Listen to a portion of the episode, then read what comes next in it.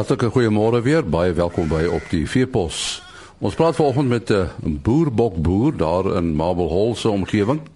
En dan praat ons oor skaapboerdery in die Karoo in die omgewing van Carnarvon. Ons uh, gaan nou gesels oor boerbokke en ons praat met uh, Johan Boshoff van die Bosland Stoetery uh daar van die plaas Elandsdrift naby Marble Hall. Vertel ons 'n bietjie van jou boerdery. Uh, hoe lank boer jy al met boerbokke, Johan? Jong, nee, ek boer so van 98 af al met boerbokke. So wat is dit? Is dit 16 jaar al wat ek boerbokke boer. Ja, en ons is eintlik maar hoofsaaklik beesboere en uh boerbokke is maar net 'n sekondêre boerdery op die plaas. En hoekom het julle besluit om met boerbokke te boer? Jong, nee, dit is maar die die die hoofrede is hy het ons maar 'n plaas en wil soveel as moontlik geld uit jou grond uit verdien en beeste, ons sê ons altyd ons is eintlik grasboere. En beeste is dan die manier om die gras om te sit in geld. Maar ons is ook boomboere. Jy kan nou maar sê ons is blaar en peelboere en die en die bokke is dan die manier om die bome in die bos om te sit in rand en sent vir ons. En ja, hulle benut maar net 'n ander gedeelte van die beskikbare veiding wat op die grond is. Ja, en hulle is ook nie so sensitief vir droogtes nie, né? Nee. Ja, droogtes is maar 'n uh, boerbok is mos maar 'n baie ekstensiewe dier. Uh, aard baie goed daar in die Noord-Kaap en die droër dele van die land. Maar hy doen ook goed in die Bosveld. Uh maar droogte, jong, geen dier is lief vir droogte nie. Droogte is gaan maar gepaard met min kos. Maar ja, 'n bok pas goed aan in droër streke. Nou jy's jy's 'n man wat wat glo aan syfers en inligting en aantekening. Vertel ons 'n bietjie meer daarvan. Jong en ja, dit kom seker maar uit my agtergrond uit van ons het 'n uh, ons is maar ons mara boere ook, ons is maar kommersiële ons mara boere, maar ons koop maar stoetbulle en goed en ons glo maar daaraan om 'n om 'n stoetbul te koop met met goeie syfers, goeie produksie syfers. Ons kyk baie na die die moeder van die bulle wat wat ons koop se se produksie data aan. En ons het dit al begin toepas van die begin af wat ons begin bokke boer het, het ons maar syfers toegepas in ons seleksie en ons kudde en ons het bly maar selekteer vir beter moeders en beter melkeienskappe en aanpasbaarheid. En ons glo maar soos ou dokter by ons maar gesê het om te meet is om te weet en ja, ons ons produksieveiling, ons uh, hou ook 'n produksieveiling hier in Februarie maand op, op Pietersburg ek en vier ander groot bosveld boere saam in uh ek dink ons is die enigste uh produksieveiling of die enigste veiling in die land waar ons 'n uh, stamboek katalogus beskikbaar het met al die ramme en oeye se produksiesyfers in dit. So nee, ons ons glo baie sterk daaraan dat dat 'n uh, produksiesyfers moet moet 'n hulpmiddel wees om 'n beter keuse te maak op 'n veiling of as jy dan nou ramme of bulle of oeye wat ook al aankoop. Verbeel ek my of uh, dit lyk vir my asof uh, om met bokke te boer raak al meer die in ding, is ek reg? Ja, veral op op kleiner stukkies grond. Ek dink die wildboere self ook ehm um, het maar het maar baie keer kleiner stukkies grond en klein kampies en waar wildport was maar redelik gevoer en goed en ehm um, veral om jou om jou bos, jou onderbos bietjie oop te vreet. Ek weet baie wildboere gebruik dit in die kampies waar hulle wild het net om om bietjie die die bos te benut en die en 'n 'n boerebok kan tot so hoog soos 1.8 meter vreet hy jou bos oop onder en dit maak net jou jou wildpad in die kampie is meer sigbaar dit laat meer lig inkom jou gras groei onder die bome raak beter. So 'n bok benut nie net die veld nie hy verbeter ook die veld.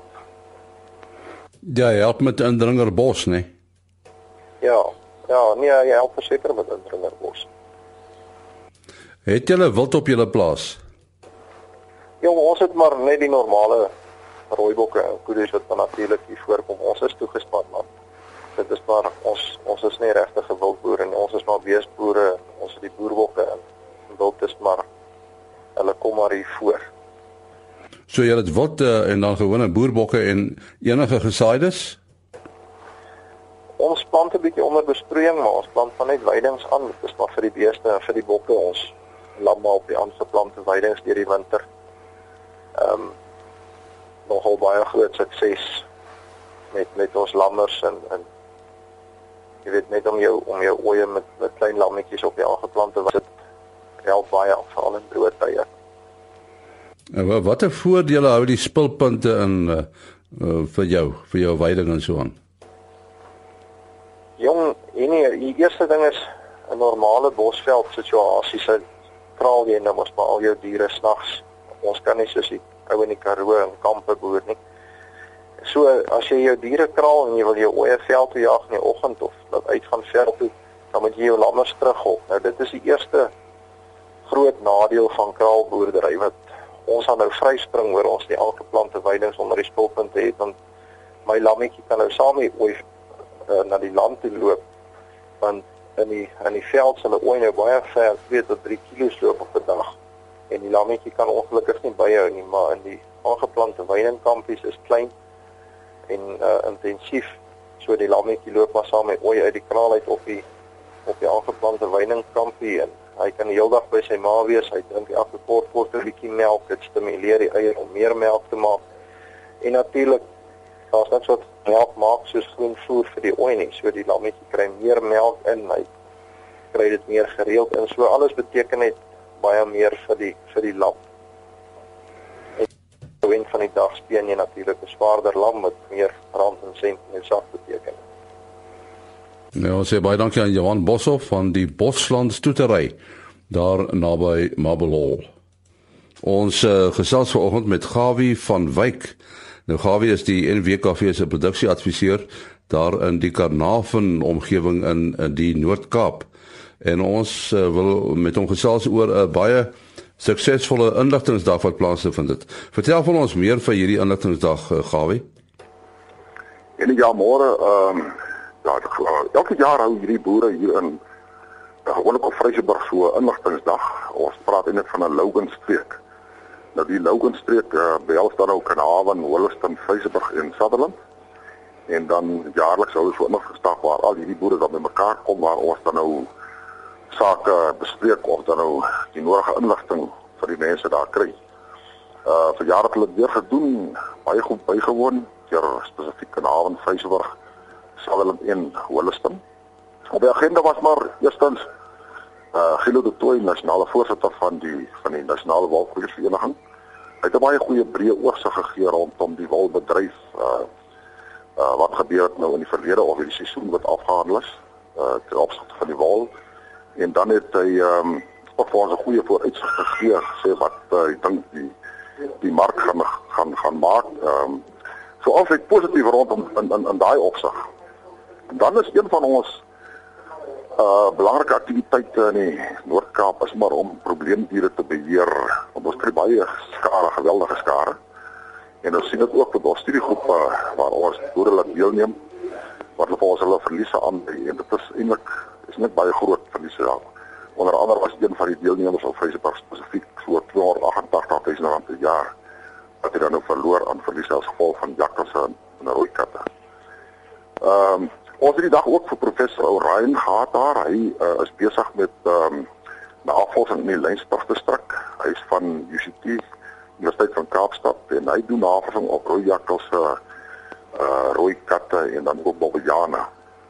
Nou die voorlegging wat hy vir ons gemaak het, is baie interessant want hulle begin al meer en meer nuwe tegnologie toepas waar hulle dan ook die die ongedierte of die probleemdiere dan nou uh, met nekbande hulle vang en dan net maar na insit sodat kan hulle beweging en gewoontes agterkom.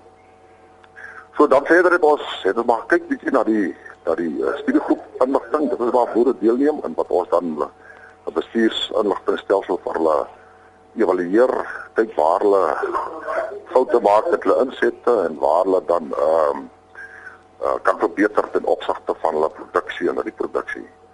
Uh die ouens doen in Vryburg nogal besonder goed, weet jy. Ons kry goeie uh, bruttomarges en hulle netto boerderinkomste lyk nie lyk nie te swak nie. So dit sê dan vir ons 'n aanduiding dat mense kan in die wêreld daarom redelik goed boer. Uh verder het ons borge dan maar 'n bietjie gepraat en ehm um, so as die dag dan ook toe lekker afgesluit met uh natuurlike Karoo Merino lamb chop en uh verder was die dag dan heel suksesvol geweest. Uh, jy het verwys na die studiegroepe. Uh die die studiegroepe is nogal taamlik sterk in julle omgewing, nê? Nee?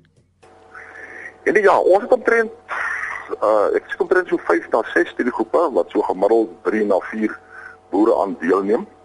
Uh ons ondervind maar dat die die boere dit baie keer bietjie moeilik vind as jy nou sien die die, die vorms wat moet invul of natuurlik die data wat hulle vir ons gee, maar maar vir ons is geweldig belangrik om hierdie boere te laat deelneem want as jy nie weet nie, as jy nie kan weet hoe jy presteer in die omgewing nie, dan is dit uh dan weet jy nie hoe om wat jy moet verbeter nie en en waartoe moet jy jou jou, jou bestuur aanpas nie.